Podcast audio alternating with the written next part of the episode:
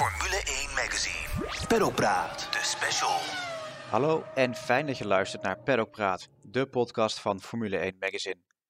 Mijn naam is Daan Geus en we hebben dit keer een dubbeldikke Daytona Special. Of eigenlijk een driedubbeldikke special, want in zo'n drie kwartier komt niet alleen van alles over en rondom de 24 uur van Daytona aan bod, maar hebben we ook drie topcoureurs in de podcast. Renger van der Zanden, Jeroen Blekemolen en Brandon Hartley. De eerste twee zijn natuurlijk ook columnisten voor Formule 1 Magazine. Van der Zanden met een wisselcolumn in ons blad. Blekemolen vanaf aanstaand Formule 1 seizoen na elke Grand Prix met een column op onze website www.formule1.nl. Met Van der Zanden, Blekemolen en Hartley bespreken we uiteraard wat Daytona en het race in Amerika zo mooi en bijzonder maakt.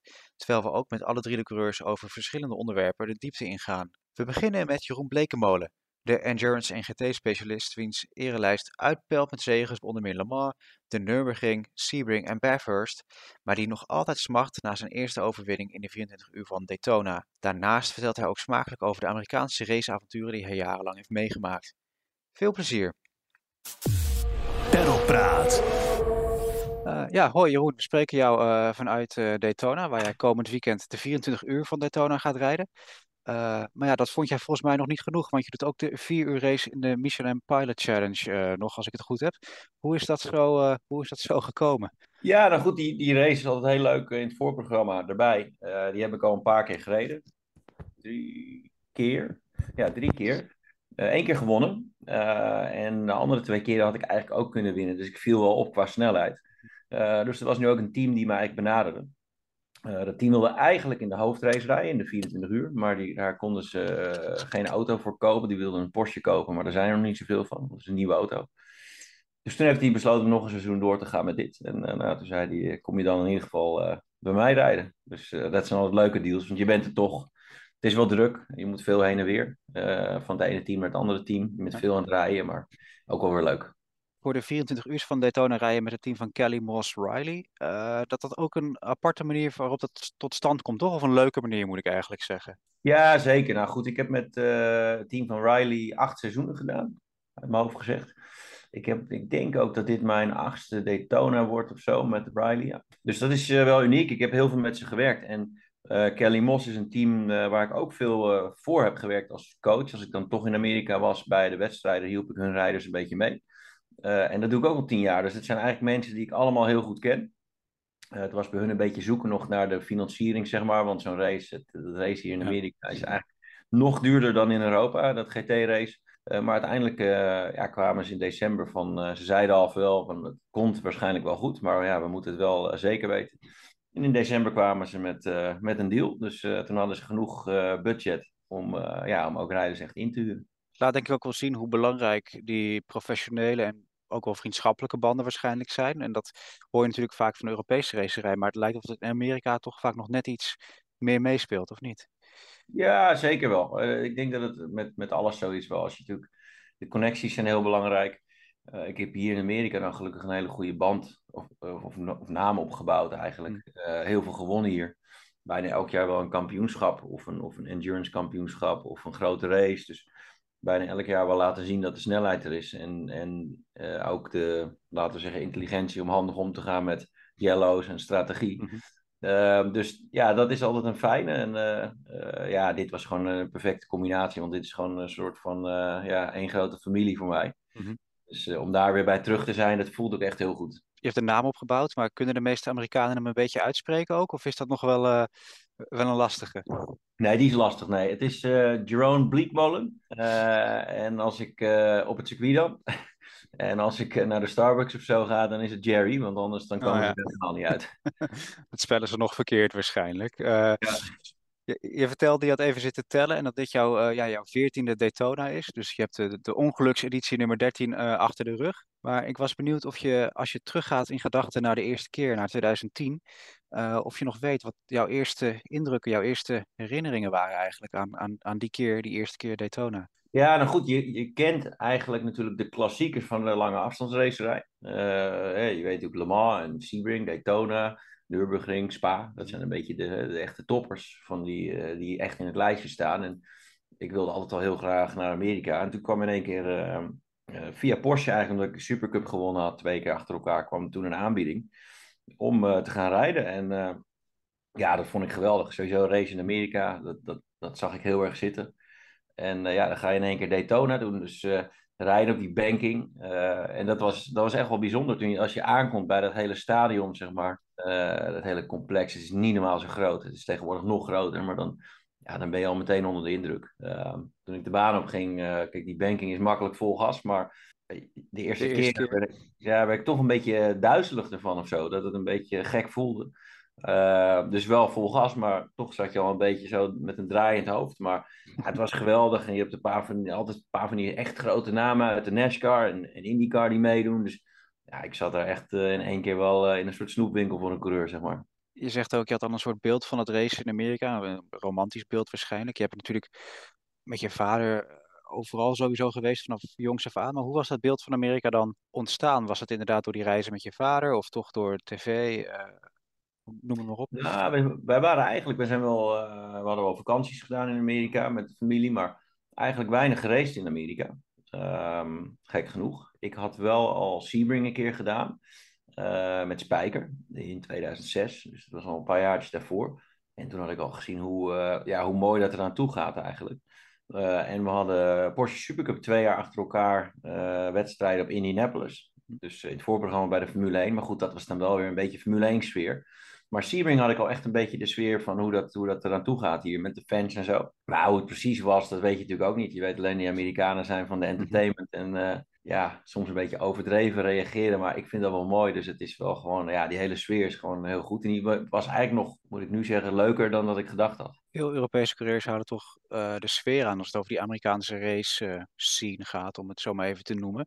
Uh, want het is natuurlijk wel ontzettend competitief en sportief op hoog niveau. Maar het lijkt toch om een of andere reden allemaal iets ja, relaxter te gaan? Of, of gemoedelijker, of hoe je het ook ervaart?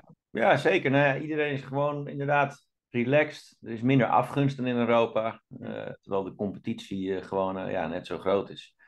Um, het gaat vaak om, ook om entertainment, maar ja, het is gewoon wat menselijker. Het is allemaal niet zo, je kan nog ergens over praten als er iets fout is gegaan met de regels of wat dan ook. Het is allemaal niet zo dat het precies zo en zo moet. Um, ook met een wedstrijdleiding. Je kan hier gewoon, uh, iedereen heeft zijn nummer, je kan hem bellen. en dat gaat gewoon goed. Weet je wel, dat is gewoon, uh, ja, uh, soms, je bent het niet altijd met elkaar eens. Mm-hmm. Maar ja, dat kan. En, en dat, dat hoort er ook bij. Maar het is wel, ja, gewoon die hele sfeer. Het is gewoon inderdaad veel relaxter. Um, echt ongedwongen. Iedereen staat hier omdat ze hier willen staan, omdat ze willen racen.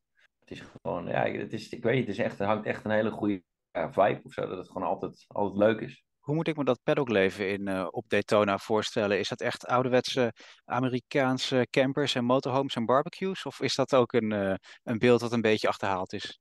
Nou, de fans hebben allemaal uh, ja, wel dikke motorhomes, moet ik zeggen. Dat zijn echt van die Amerikaanse dingen van 1 miljoen of meer per stuk.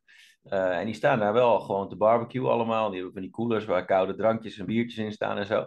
En die staan ook gewoon op die infield. Dus die staan ook gewoon echt langs de baan. Dus dat is sowieso leuk afgelopen weekend met de test dat je de, de Boy Scouts, eh, de, de padvinders, die mochten dan komen. Allemaal kinderen met, eh, met ouders en zo. Was ook heel leuk. Dus het is ook gewoon gezellig. en die teams die hebben wel uh, garages waar we vanuit werken. Hm. Je hebt natuurlijk geen pitboxen, want je werkt uh, gewoon in de pits van achter de muur. Uh, daar zetten ze tenten neer, dus je staat in ieder geval droog. Het is vaak heel koud, dit jaar gelukkig niet. Het is, want het is hier in de nacht soms rond het vriespunt met die 24 uur. Dus dan zit je echt te, te bibberen van de kou. Maar nu is het lekker. Uh, dus je gaat dan vanuit je garage, waar er ook de vrachtwagen staat, rij je elke keer de auto naar de pits. En uh, ja, dan gaat het hele team verhuisd van de vrachtwagen of, of garage naar de pits en weer terug. Dus het is ook daar wel heel anders. En dan rij je ook soms door de fans heen. Nou, niet letterlijk natuurlijk, maar tussen al die mensen door. Uh, rijden naar die pitstraat toe en zo. Dus dat zijn, ja, gewoon, het is een hele andere beleving. Wordt dan ook nog heel erg uitgepakt met dingen als vuurwerk, volkslied, vliegtuigen die overkomen? Ja, wat, wat altijd mooi is uh, in Amerika, is die, inderdaad ook die show eromheen. Uh, ze, doen, uh, ze, ze zetten een reuzenrad neer, wat, je, wat je veel in beeld zal zien. Dat ziet er gewoon gaaf uit altijd in de avond. maar de, de, de pre-race show is altijd fantastisch. ze zetten een groot podium neer. Het publiek mag op de baan, dus op de banking staan. En wij komen dan op het podium allemaal team voor team op de, in volgorde van de startopstelling. Wordt iedereen netjes voorgesteld. En ehm, ja, dan, uh, dan staan de auto's klaar. Op een gegeven moment uh, moeten de fans eraf. Ja, die luisteren gewoon goed, dat is allemaal geen probleem. En dan uh, doen ze vaak nog een flyover met, uh, met straaljagers. het volkslied wordt gezongen. Ook altijd mooi. iedereen natuurlijk hand op zijn borst, ja. de Amerikanen. en dat, dat is ook echt, dat vinden ze echt als, dat, zoals die, ja, als een andere race gereden wordt ook. Iedereen stopt met lopen hand op de borst en ja, gewoon uh, petje af. En dat hoort er gewoon bij. En er wordt altijd een, uh, de prayers worden altijd even gedaan. Dat is ook uh, heel apart in Amerika. Er gaat echt iemand eventjes een verhaaltje vertellen. Ja, hoe blij we mogen zijn. en dat we God bedanken dat we, ja, dat we er allemaal hier mogen staan. Dus dat is heel apart, maar ja, wel heel gaaf. Mag ik vragen, ben jij van de, de kruisjes slaan? Of, of... Nee, nee, ik heb echt 0,0 bijgeloof en, en, en geloof. Ehm, ehm, dat, uh, ja, ik ben al eigenlijk heel snel in mijn carrière dat ik gedacht, ja, hoe, je moet het niet ingewikkeld maken qua bijgeloof dan met dingen. Dus niet dat ik uh, eerst mijn rechterschoen aan moet doen of dat soort dingen. Uh, ja, en dat geloof ik, in het begin moest ik ook wel een beetje gek kijken dat, je, dat ja, iedereen daar ook echt een soort van gaat bidden voor de race. dat zijn we ook niet gewend. Maar hier is dat echt heel normaal. Dat doen ze bij elke race. Dus ook de kleinere wedstrijden. Dus dat, uh, ja, dat hoort er ook gewoon bij. Dus ik vind het ook altijd wel mooi. Dat is, dat is ook echt Amerikaanse race. Die, die periode dat je op Daytona bent als coureur is eigenlijk best lang. is eigenlijk meer dan een week. Hè, als je het uh, met al die testdagen noem maar op tot aan de, de 24 uur race dan. Is er in die spannen, die tijdspannen een moment dat je denkt van ja, we zijn er weer. Dit is echt Daytona en dit maakt het echt anders dan bijvoorbeeld een Le Mans of, of Bathurst of Dubai of noem het maar op. Ja, nou, inderdaad, die, die test hoort er gewoon bij. En dat is ook wel leuk. Dat is eigenlijk Le Mans en Daytona zijn de enige races waar je ook een testweekend hebt. Um, ja, dat is hier altijd bijzonder gewoon als je aankomt uh, en je ziet het hele complex liggen en je rijdt daar naar binnen en zo. Dat is altijd een mooi gevoel. Het is wel een hele lange tijd, maar ik vind het ook wel lekker, want je hebt gewoon, uh, ja, je zit hier. Het heeft geen zin om terug naar huis te gaan. Uh, voorheen was het testweekend altijd het eerste weekend januari, dus dan moest je eerste weekend januari heen. Dan had ik altijd Dubai 24 uur hm. en dan weer terug. Dus dan was je alleen maar aan het vliegen. Ja. En nu vind ik het eigenlijk heel relaxed, want nu weet je gewoon, je bent tien dagen hier. Je kan je helemaal focussen op de wedstrijd. Uh, nu uh, twee dagen eigenlijk vrij, zeg maar. rijden we niet. En die kun je dan ook lekker gebruiken. Nou, je zit aan het strand. Dus je gaat elke dag lekker hardlopen. En je komt alleen maar rijders tegen dan natuurlijk. uh, elke ochtend. Dus ik kwam net in die dontje tegen op het strand. die rende de andere kant op. En uh, Renger die, uh, die, die liet me nog schrikken, want die kwam met zijn fiets voorbij. Maar oh, je ziet alleen maar coureurs. dus het is gewoon uh, ja, heel gezellig, heel leuk. En die twee dagen rust is eigenlijk ook wel eens fijn, want die, die heb ik vaak niet. Want dan kom je toch uit de drukte van thuis of onderweg zijn. En dan, ja, dan kom je eigenlijk niet helemaal uitgerust aan. En nu kun je gewoon echt uitgerust beginnen aan zo'n race. Beetje schoolkampgevoel misschien ook. Dat je daar met z'n allen bent en je bent iets leuks aan het doen, maar je bent ook aan het werk. En, ja, zeker. Ik, uh, ja, ik zit net te appen met uh, Lucas Stolz. Daar heb ik veel mee gereden. Ook hier op, op, Daytona mee gereden en Mans onder andere. Dus uh, nou, dan ga je vanavond gaan we even eten en zo. Spreek je een beetje af met iedereen. En ik ben in het verleden vaak met Renger natuurlijk onderweg geweest. Nicky Katsburg, die zit dit jaar niet bij, maar ook veel mee. dus ja, dat is altijd gezellig. En dan, ja, dan, dan ben je echt een beetje rijders onder elkaar. Natuurlijk een hoop gekkigheid. Maar ja, het is altijd gewoon leuk om dat, om dat mee te maken. Dus als mensen nog uh, toeristische tips of restauranttips nodig hebben in uh, de omgeving Daytona, dan kunnen ze ook bij jou wel, uh, wel aankloppen. Ja, dat zeker. Nee, we, we, weten allemaal wel een beetje waar we altijd heen gaan met z'n allen. En dat zijn best wel wat verschillende plekken. Maar we, zitten, we komen elkaar overal, ook met die restaurants. Dan ga je zitten en dan zit gewoon het hele restaurant vol met, ja, met autocoureurs. Dus dat is ook super grappig. En ja, het leuke is natuurlijk, er zitten ook echt grote namen bij. Dus ook voor een fan is dat gewoon heel gaaf. En, uh, ik dacht misschien een goede vraag om mee af te ronden is. Uh, jij bent natuurlijk begonnen in Dubai dit seizoen met uh, ja, het inmiddels traditionele seizoensopener daar. in Amerika is Daytona natuurlijk de, de opener waarmee het hele autosportseizoen begint. En dat geldt dan ook voor heel veel Europese expats. Um, kun je al een beetje zeggen en zien hoe de rest van jouw jaar eruit ziet? Want je hebt vorig jaar natuurlijk de omstandigheden niet zoveel gereisd als je had gewild. Maar voor dit jaar komt het wel weer een beetje op gang, toch? Ja, het, het, ziet er allemaal goed uit. Uh, misschien dat ik wat meer kan doen met dit team. Uh, want we zien wel dat ik uh, tot nu toe echt wel een beetje die, de car trek zeg maar, voor die auto. En de snelste rijder ben. Dus uiteindelijk, die auto gaat het hele seizoen racen. En er zitten al twee rijders op. Maar misschien een derde plekje voor de lange races. Dus dat is misschien een optie.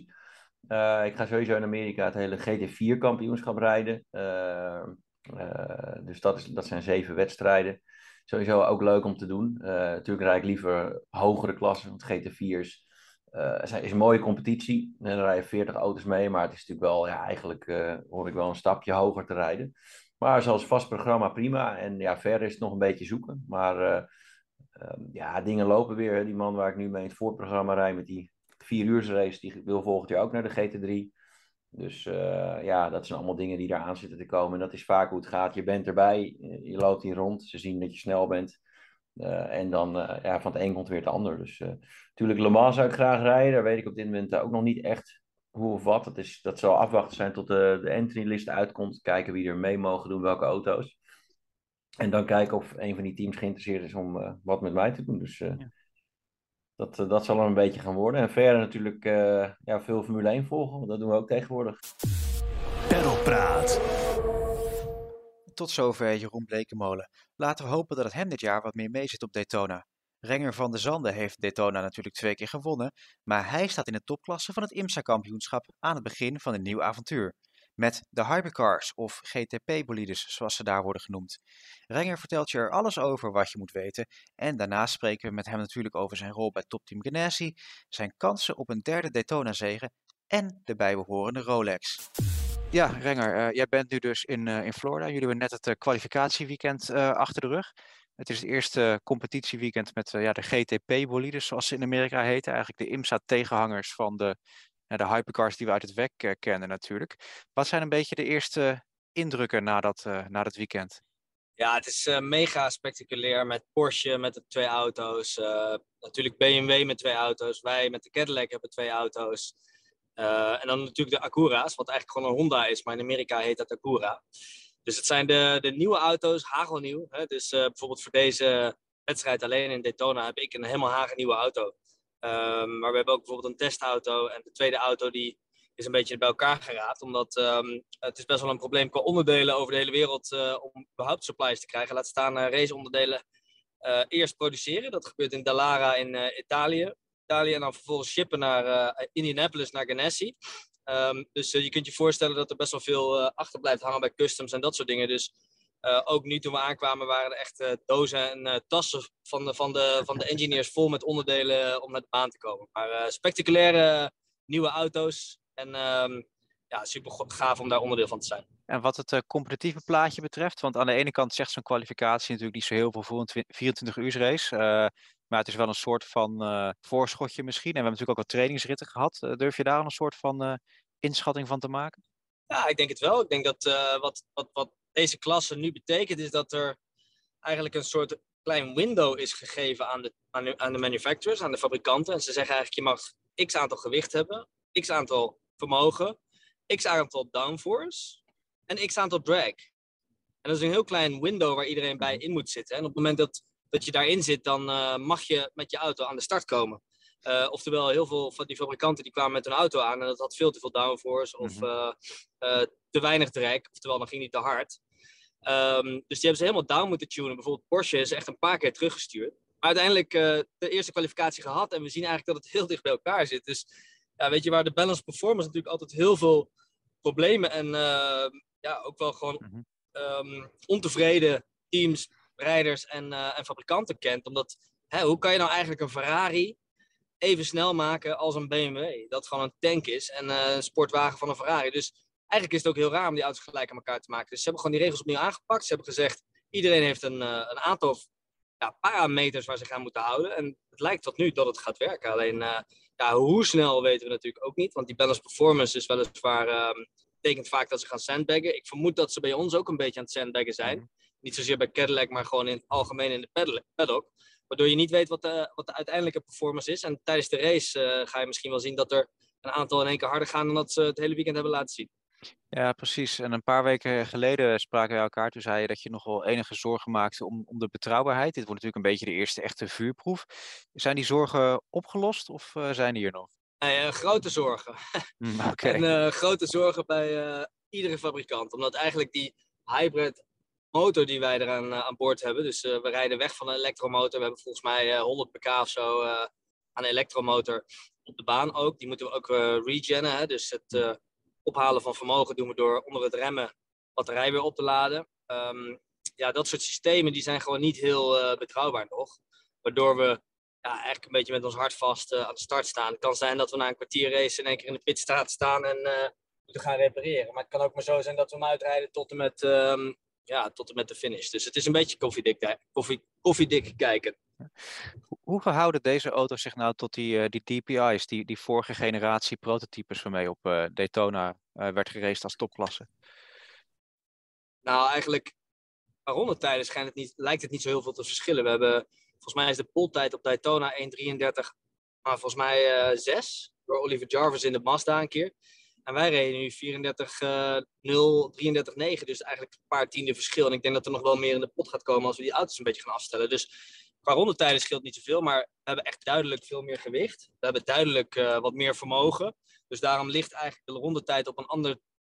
Ja, we halen diezelfde rondetijd op een andere manier. Door wat harder op het rechte stuk te gaan en wat minder snel door de bochten. Ja, je noemt net al Acura, Porsche, BMW doet ook mee. Jullie met Cadillac natuurlijk. Uh, er staat tegenover dat we in Europa natuurlijk ook een aantal teams, uh, fabrikanten zien met hypercars in uh, World Endurance Championship. Kun je zeggen dat met die hypercars ook een beetje de, de hype terug is in de, in de endurance racerij? Dat echt weer een soort, hangt een soort nieuwe levendigheid, een soort buzz omheen, hè? Ja, zeker weten. Weet je, vorig jaar hadden we eigenlijk alleen maar Acura en Cadillac in het IMSA kampioenschap. En uh, als je kijkt naar het werk was het nog ja, minder show, omdat het was Toyota en Glickenhaus en een Alpine. Dat waren drie hele verschillende mm -hmm. auto's die ja, niet echt uh, bij elkaar hoorden. En uh, eigenlijk was Toyota al in op zichzelf een beetje. En uh, we hebben zelfs een seizoen gehad waarbij ze echt in een eentje reden. Dus eigenlijk best wel slechte tijden gehad in de endurance racerij. En als je nu gaat kijken, zijn er gewoon tien of meer fabrikanten die in gaan stappen. Dus dat zijn natuurlijk wel gouden tijden voor het endurance racen. En Ferrari, Porsche, Lamborghini, Cadillac, Peugeot, um, nou, BMW, Acura, noem alle merken op. Wie zijn we nog vergeten? Alpine gaat instappen. Ja. Dan heb je nog een paar andere gekke B-merkjes, zoals Van Wal en um, nou, nog een Italiaans merk. Ik weet niet eens de naam. Maar het is, het is in ieder geval inderdaad een uh, hele bijzondere mix van fabrikanten die hebben gezegd, nou laten we dit maar gaan doen. En waarom doen ze dat nu? Omdat de regels eigenlijk uh, voor het eerst aantrekkelijk zijn. Als je kijkt naar wat Toyota tegen Porsche en Audi, ja, dat ging om honderden miljoenen dat die fabrikanten uitgaven om tegen elkaar te kunnen racen. En Um, eigenlijk hebben ze het concept van de DPI, hè, waar wij vorig jaar en de afgelopen zes jaar in Amerika mee hebben gereden, hebben ze ge ge gekopieerd. Ze pakken gewoon een standaard chassis. In ons geval is dat een Delara. Dan gooien we er een uh, fabrieksmotor in van Cadillac. Maar diezelfde Delara wordt ook gebruikt door BMW, waar BMW een fabrieksmotor in gooit. Dus de, de branding is goed van het, van het merk. Uh, maar de kosten zijn laag, omdat je eigenlijk ja, één chassis gebruikt uh, voor, voor twee verschillende merken. Um, dus dat, het, het, concept klopt, waardoor fabrikanten nu zijn ingestapt. Ja, en dit weekend dus uh, Daytona. Als ik goed heb geteld, wordt dit uh, jouw tiende. Ik was benieuwd, als je even terug in de, in de tijd gaat, weet je jouw eerste keer Daytona nog? Weet je nog wat jou, jouw eerste indrukken toen waren, toen je voor het eerst daar op die, ja, die, die enorme autosporttempel kwam? Ja, ik, uh, het was wel een droom die uitkwam. En uh, uiteindelijk, volgens mij is het de negende keer dat ik hem meedoe. Want in 2013 reed ik wel in Amerika, maar toen stapte ik halverwege het seizoen stapte ik in, in Laguna Seca. Dus toen heb ik geen Daytona gedaan. En dat was destijds nog met de LMPC-auto's. Dat waren best wel oude autootjes. Uh, maar wel hele snelle auto's. Het waren Orica's met een Chevy-motor achterin. En een hele leuke eenheidsworstklasse, om het zomaar heel neerbiedig te zeggen. Ja. Maar um, ja, hard werken hoor, zo'n 24 uur. Het is, hè, zeker in zo'n open auto destijds, was het gewoon uh, in een stoeltje wat niet helemaal voor jou gemaakt is. En dan uh, 3,5 uur achter elkaar een stintje rijden. Drie uurtjes slapen en weer 3,5 uur. Dus um, dat was best serieus. En ja, weet je, deze, um, deze huidige auto's die zijn best wel comfortabel. Um, maar ja, het is natuurlijk nog steeds 24 uur race uh, met weinig slaap. En, uh, en uh, ik ben blij dat het niet zo warm is. Want het wordt, dit weekend wordt het wel warmer, maar niet heel veel niet zoals Sebring, waar het echt uh, heel veel uh, hoge luchtvochtigheid is en, uh, en zwaar. Maar ik denk Daytona is altijd een mooie. En het is een, inderdaad, het is de World Center of Racing, wat ze het zelf noemen. Alles heeft hier iets groots natuurlijk in de naam. Um, World Center of Racing. En als je daar mag racen. En ja, ik heb natuurlijk al twee keer kunnen winnen. Dus dat, ik voelt wel, het voelt wel een beetje als thuiskomen hier. Is het het highlight van het jaar voor jou? wat je zegt, is natuurlijk een mooie kalender. Sebring, Petit Le Mans, de echte Le Mans die je gaat doen. Uh, is Daytona dan toch het highlight of niet? dit jaar is het echt een, even afwachten wat er gaat gebeuren. Vanwege die hybride systemen verwacht ik gewoon heel weinig van. Kijk, we kunnen echt maar zo tot de finish rijden en hem winnen. Maar we kunnen ook gewoon na een half uur denken, nou, hij is alweer voorbij. Dus ik, dit jaar verwacht ik er heel weinig van. Het is bij mij het is de grootste wedstrijd van het seizoen. En dat is ook gelijk de eerste wedstrijd van het seizoen in IMSA. En ik denk dat als ik puur naar het racen kijk, dan vind ik Sebring, de 12 uur van Sebring, het allergaafst. Dat is echt zo puur racen en uh, geen bullshit, geen poeha. Een oude vieze baan, hobbelig. Um, ja, gewoon echt heel rauw. En om daar, om daar te kunnen winnen moet je echt, uh, moet je echt alles goed doen. en in Daytona is het, um, is het, is het, eigenlijk is het ook maar een circuit met vijf bochten, als je eerlijk bent. Het is een busstop dat, en dan een lang rechtstuk. Dan heb je bocht 1, kleine chicane, bocht 2, een kink die is vol gas. Dan heb je nog twee bochten en die busstop weer. Dus zo moeilijk is het ook weer niet. Alleen om er het allerlaatste beetje uit te halen is wel heel moeilijk. En daarbij rijden de, tijdens de 24 uur rijden er altijd van die idioten bij. Dus uh, we noemen ze altijd de dentists en de lawyers, die ook voor een voor een keertje meekomen racen. Nou, die rijden echt niet alleen in de weg, maar die rijden ook tegen je aan als je niet oplet. Dus het is, um, het is echt heel erg opletten en uh, er kan een hoop gebeuren. Wat dat betreft is Daytona altijd wel een uitdaging, ja. Je hebt natuurlijk twee keer gewonnen op Daytona. Uh, ja, als je wint, dan krijg je een Rolex. Je bijnaam uh, is vaak ook wel Rolex Renger. Veel van die artikelen dat het over jou gaat. Dat, dat lijkt me eentje die is niet, niet heel verkeerd, toch, om te hebben. Ja, zeker weten, nee. Weet je, hartstikke leuk. Ik heb zelf helemaal niks met het merk Rolex. Um, maar um, als het een mooi diner is, dan doe ik die gouden Rolex om. En hij is mij echt een beetje te goud, dus ik doe hem heel af en toe om. En, um, maar hij is niet eens voor mij, want uh, ik heb die van mij aan zowel Lux, mijn zoontje van vier, gegeven. En uh, mijn dochter van, uh, van zes. En die derde, als ik hem win, dan is hij van Carlijn, mijn, een vrouw, wat nog niet mevrouw is, want we moeten nog trouwen. Maar, um, dus ik, dadelijk mag ik, ga ik vragen of ik hem even mag lenen. Als ik weer een diner heb aan een van, van die drie. Als ik een derde ga winnen natuurlijk. En daarbij, um, ja, weet je, ze zijn ontzettend veel waard, die dingen, die Rolexen. Maar ze zijn niet te koop, dus wat zijn ze waard? Ze zijn vooral waard de, de eer van het winnen van de 24 uur van Daytona. En dat is voor mij veel belangrijker dan geld. Um, en uh, ook veel leuker dan, uh, dan, dan die paar die euro's op de bank of wat je er dan ook mee gaat doen. Dus je mag alleen hopen dat Lola of Lux niet een keer thuis komt en zegt: Ik heb voor een paar tientjes verkocht. goede deal toch? Dus dat, dat, dat hopelijk dat niet, dat niet gaat gebeuren. Even goed uitleggen.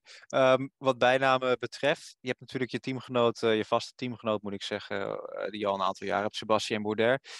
ook weer Scott Dixon, die je ook wel Scott de mascotte Dixon noemt dat lijken me niet de twee minste coureurs om het er samen mee te moeten doen. Los van uh, de vragen over de competitiviteit en de, de betrouwbaarheid.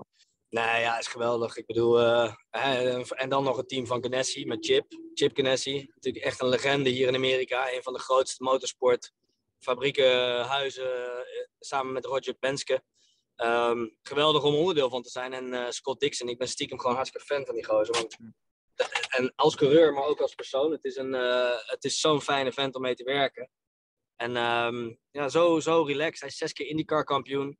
Um, natuurlijk goud geld verdiend met racen. En, uh, en, en, nog steeds zo'n leuke vent, weet je wel. Dus ja, dat is een voorbeeld voor mij. Uh, net zoals Jimmy Johnson overigens. zoveel, volgens mij zeven keer NASCAR kampioen. En ook zo'n aardige vent. Dus hier in Amerika is het ook wel een is het ook wel normaal om gewoon normaal te doen lijkt het. Hè? En dat zie je in Europa nog wel eens anders. Um, maar ik ben, ja, ik, ben, ik ben heel blij om met die gasten te racen. En Sepp Boudet is natuurlijk ook echt wel mijn maatje geworden. Het is echt niet de leukste flamboyante vent die je gaat ontmoeten. Um, maar het is wel echt een, echt een racer die gewoon niet van bullshit houdt. Hij zal altijd een eerlijk antwoord geven. En dat betekent ook wel eens dat hij um, een, een, een, minder leuk antwoord geeft. Maar het is wel een eerlijk antwoord. En daarom kan ik heel goed met hem werken. Omdat je weet precies wat je aan hem hebt. En, um, en het team ook. Dus uh, ja, het team is natuurlijk ook geweldig. Mike Hull is ook een legende. Zal, zal de mensen in Amerika veel zeggen en in Europa wat minder. Maar Mike is eigenlijk degene die Ganassi groot heeft gemaakt. Je kan het geen teammanager noemen. Je, ja, hoe noem je het? Een, uh, een sportive director zou je hem kunnen noemen. Maar um, het, is, ja, het is een geweldige club om onderdeel van te zijn. En um, ja, om mee te gaan racen. En ze geven je ook... Chip zegt ook gewoon... hey, I'm Chip. En hij heeft dat zo'n zware stem. Um, en hij zegt ook altijd van... Uh, uh, tell me what you need. I'm not a mind reader. Dus vertel me wat je nodig hebt en dan, dan zorg ik dat het er komt. Want ik wil gewoon winnen. En zo werkt het ook met hem. Hij is gewoon heel... hij houdt het simpel. En we gaan racen voor de overwinning. En voor de rest, als we tweede worden, dan zijn we snel weer naar huis. Gaan we kijken hoe we het beter kunnen doen. Perlpraat. Dankjewel, Renger. Een rivaal van Van der Zanden is deze Daytona natuurlijk ex-Formule 1-coureur Brandon Hartley, die uitkomt voor het Wayne Taylor Racing Team waarmee Van der Zanden zijn beide Daytona's won. Hartley is regerend World Endurance kampioen en met hem trekken we de vergelijking tussen de Amerikaanse endurance scene en het meer Europese WEC. Daarnaast leggen we Daytona ook nog langs de Le Mans meetlat met de coureur die die Franse klassieker al drie keer won. So, Brandon, uh, welcome. Uh, thanks for joining us, uh, first of all, and taking the time. Most people, I think, will know that after your time in F1, uh, you were recruited by Toyota for uh, the World Endurance Championship. So, how did you end up in the US with Wayne Taylor Racing? Yeah, it's it's a good question. Uh, yeah, I definitely landed on landed on my feet signing with Toyota at the end of 2018 after my, my year in F1. And actually, I've been in touch with with Wayne for, for many years now and we, we, we spoke about it various occasions and never really quite worked out. And yeah, Wayne contacted me end of last year, which was a bit of a surprise. You know, not going into this new GCP hypercar uh, era, in a way, all the teams are competitors. But with Acura, it's a little bit different. They're, they're not selling cars in Europe and mm-hmm. they're not competing it in the WEC a more this year. Um, so Toyota was happy for me to um, take part in the race, and and uh, I jumped at the opportunity. So yeah, no, it's as I say that I, have raced against um, the team for many many years. I've seen them win many times, so I'm, I'm well aware of their their pedigree and and uh, their understanding of the race. And yeah, I'm I'm real really happy to be joining them. Hopefully, going for victory. You know, so far it looks like we have a car with the speed to win, and it's going to come down to a lot of uh, a lot of obstacles next next weekend. Including a big 61 car field, I believe, and obviously reliability with these new GTP cars. But yeah, really excited. So, what's it like for you to be kind of plugged into this team? I mean, obviously, at the end of last year, you did a race for them, but still, it's kind of like a team that's competing by themselves, and you're kind of like flown in to, to help with these longer endurance races. What's that like for you? Yeah, yeah. So it's a good point. I didn't mention doing T Le Mans last year, so that that was tough. Um, getting the call up for that as well. I'd never um, obviously meeting all the meeting all the guys, arriving at the end of the year straight into a championship fight, and I hadn't didn't actually have time to test the car before, but the team was the team was great. Um, Philippe and Ricky got me up to speed as much as they could. The first few sessions were, uh, you know, a bit of a baptism of fire, trying to get up to speed with all the traffic and stuff. But in the end, I did a good job in the race, and I think I gave the car, handed the car over to Philippe with the lead, and we were fighting, fighting for the victory right until the end. Yeah, and I really, really enjoyed uh, working with the team, and I love the style of racing here. It is different from Europe. Uh, you know, there's I'm not I'm not saying one's better than the other, but it is a, it's a different environment, both from the teams and, and also the, the style of racing. But yeah, love loved uh, to see them all. Unfortunately, this year it's it's just Daytona. So, what are some of these differences that you you've noticed between the World Endurance Championship and, and inside the, the American racing scene? Yes, I mean the the, the style of racing is different in, uh, in terms of the format. So when you have a, a full course yellow or caution, as they call it over here, um, everyone groups back up. You can you can get a lap back. So you know, strat- strategy is very different, um, and it's, it's generally always a big fight in the last couple of hours, which is awesome. During the race, you, you you might have six, seven, eight restarts where it's it's a big battle between all you know in all the same category. We, we don't see that as often in the WEC. It's it's if it's a six hour race, you're fighting for six hours, and generally speaking, the safety cars don't. They, they do bring the race back together sometimes, but not to the same extent as um, as in America when you have the class split as well. So I, I think that in itself changes a, a lot with strategy. The incentive to save fuel, you know, have less time in the pit lane towards the end of the race, being you know new tires every pit stop, which was uh, which was the case last year, won't be the case this year. I think it's going to be more aligned with the WEC with the amount of tires we have uh, in the races. But yeah, so that that style of racing is very different. I think Europeans struggle to see, you know, if you're leading the race and and, and you lose that mm-hmm. that lap advantage that you have, for example, but it's more ingrained in the racing culture over here. And I, I enjoy both, and it's it's definitely always an exciting end to the races over here, which which is good for the fans. Um, and then yeah, this, the the style of the teams is a bit different. Even just sitting here in the motorhome now, seeing pit road where everyone's in mm-hmm. very open boxes. There's no there's, there's no um, there's nothing nothing stopping you walking through everyone's pits. There's no, there's no walls dividing everyone. It's, it's it's a more of an open environment, and that's the same on the pit lane. It's yeah, it's a real different feel uh, inside the paddock as well. That, that's something. I mean, you're obviously not European, but something the guys who grew up racing Europe always say is that the atmosphere in the US is a bit more relaxed between the drivers as well. Is that something you're you're you're relishing that you're enjoying? Um, I'd say the atmosphere with the drivers is, is similar. So I, I did do a full time season in, in, the US back in 2013, and I've done a lot of endurance racing in, in, in, Europe as well. And I think the relationship between the drivers is, is pretty consistent. Obviously, it varies between between lineups, but you know, if, if you want to do well, you have to be open and put the ego to one side and work as one team. Uh, the other thing I actually just thought of as well, I, I actually really enjoyed the US being on the pit wall um, with this, you know, this little concrete wall. Mm-hmm. As a driver, normally you're at the back of the garage, very separated from the track. But here, for example, in Daytona, you're you're sitting on the pit wall, you're watching the cars go by. Um, normally in the WC, you're at yeah, the back of the garage watching on the TV screen. So I do enjoy that pit lane setup. I, I, I like it here in the US. You just mentioned the the hypercars, and obviously one of the big talking points for for Daytona this year is is you know the fact that we have so many hypercars now. Um, you've obviously had experience with that from Toyota, and now with Acura. How different are the the IMSA hypercars compared to the the WEC ones, or are they quite similar, really? Um, I don't 100% know yet, but I don't think I don't think it's going to be as obvious until we see the cars on the same track. You know, Daytona is very specific. Um, but I'm pretty confident when, when we line up all the cars together. I, I don't think it's going to be too much of a drama to, to, to balance them. Um, they're the same weight, they've got the same power. In theory, they've got the same downforce. There's there's only quite small differences. So, yeah, I, am putting a lot of uh, trust in, in, the in, in the uh, guys that have made the rules and, and the organizers. Mm-hmm. I do think we're going to see something pretty special this year across both the IMSA and the WEC with with uh, yeah, big big fights with many manufacturers.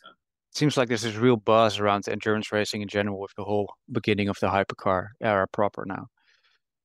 Hundred percent, yeah. Hypercar, GDP. I, I guess you know, we, in the end, we're, we're let's let's call them the same thing. You're absolutely right, and yeah. I think the interest in Formula One's been rising over the last last couple of years, and I'm sure that filters to to other categories as well. And yeah, I think there's a lot for everyone to get excited about this year in endurance racing.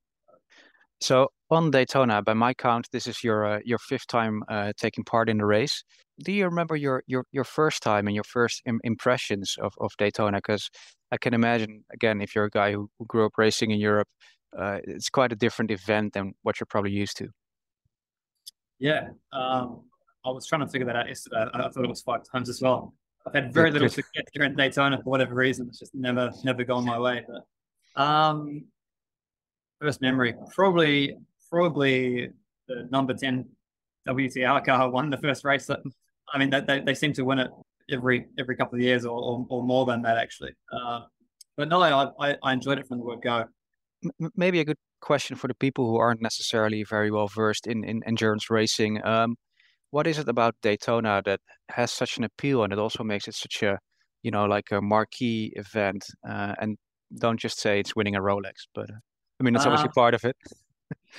yeah, I think the Rolex is is, uh, is a part of it. It's it's also the only 24 hour race on the IMSA calendar.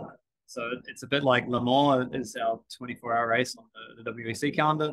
Uh, saying that in, in, in, the US, there's quite a few. I would say there's three races on the calendar that stand out to me being Sebring, uh, Petit Le Mans, and our race. Mm-hmm. Um, you know, between all those three, it's not as clear as the WEC where it's clearly it's, mm-hmm. it's more and then there's the World Championship.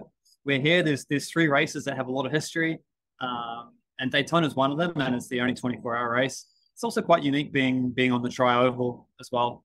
So yeah, there's, there's a few things that, that separate it, but I, have to say I really enjoy Sebring and Petit Le Mans as well. I, wouldn't want to pick between the three; that they, they're all unique in their own way in terms of the the ambiance and you know the atmosphere and the kind of scope of the event, does it feel comparable to to Le Mans, or is is that another level still? I would say Le Mans is still it, it feels um, it feels a bit bigger in terms of atmosphere, probably amount of spectators as well. Yeah, Le Mans is is, um, is still another level. I'd, I'd actually say the atmosphere at either Sebring or, or Le possibly trumps Daytona for me. But let's see this year because already uh, more than a week before the race start, there's a lot of people hanging around. How about the the track? That maybe people who see it on like a, a, map or a layout and think, you know, that looks kind of easy. Um, I'm obviously far from a racing driver, but even playing it in video games, it's it's, surprisingly tricky. Um, what's your read on, on the track in that sense? Yeah, if you've if you've had iRacing, I think it's the first track you get you download. I think so. Yeah. Everyone everyone's driven Daytona on on iRace. Um, yeah, it's yeah, a track itself. I think the banking for the you know if you're not never been on a banking, which I hadn't, um, the Daytona banking is pretty impressive, even just to walk the track. Yeah, and then as the track itself, there's there's a lot of I'm going to say Mickey Mouse corners, but a lot of first, second gear corners in the infield, uh, which have their own unique challenges. Uh, traffic's tough, so it's, it's a different feel from Le Mans. Obviously, it's it's uh, you know you get the cast of VMAX like you do at Le Mans, um, but it's it's a very different feel. You know, Le Mans part street track, uh, part part purpose built. Uh, but I think being on the ovals quite unique, particularly when the 61 cars, it's quite handy to have you know four or five lanes to, to get through the traffic. So in terms of the night racing, are you a guy who, when you're not in the car, do you stay up or do you go to sleep or do you watch the telly? What do you do?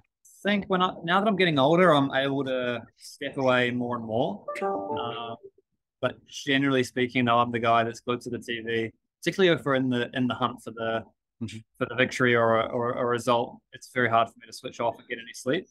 Uh, but yeah, with my old age and a few more years of experience, I'm, I'm able to switch off a bit more. And yeah, it is it is surprising how your body can still perform mm-hmm. with with a big shot of adrenaline um, and very little sleep. It's always surprised me because actually even just talking about my Le Mans last year on the Friday, I didn't really sleep. It was one of those one of those weird deals. I, it wasn't that I was crazy nervous, but it was you know you have the driver parade into into a silly hour of the evening, and you know you're a bit jet lagged from the whole week mm-hmm. actually, all the different time zones. I didn't sleep on Friday night, and I didn't sleep through the whole race, so it was you know two and a half days or so without sleep. And it's it's amazing how you can still perform when you've got that adrenaline running through your through your veins. Are you a guy who enjoys the doing the night stint, the night shift? I love driving in the night. That was that was one of the things that I, I fell in love with the most coming to endurance racing to say here in Daytona, it's pretty well lit, so it's not as dark as as Le Mans, for example, or Sea Le Mans um, or Sebring. Uh, but yeah, I, I, do really enjoy the challenge of being in the night, and you know, it kind of feels like warp speed when everyone everything's coming in and out of your vision a lot quicker. You, a lot of those uh, visual markers that you, are not really aware that you're using, all of a sudden they're taken away, and it, it feels it's a whole new experience. Maybe a good question to kind of uh, round up on is: um, Do you see, or could you see a future for yourself? racing in the US, whether it's it's IMSA or another series, perhaps of Wayne Taylor Racing? Um, yeah, I mean, I've, I've, really enjoyed the experience so far. So, um, I know better than anyone in the sport, you, you never know what's what's around the corner. It's difficult to answer, but yeah, mm-hmm. absolutely. There's a chance that, that I have a future here. Formule 1.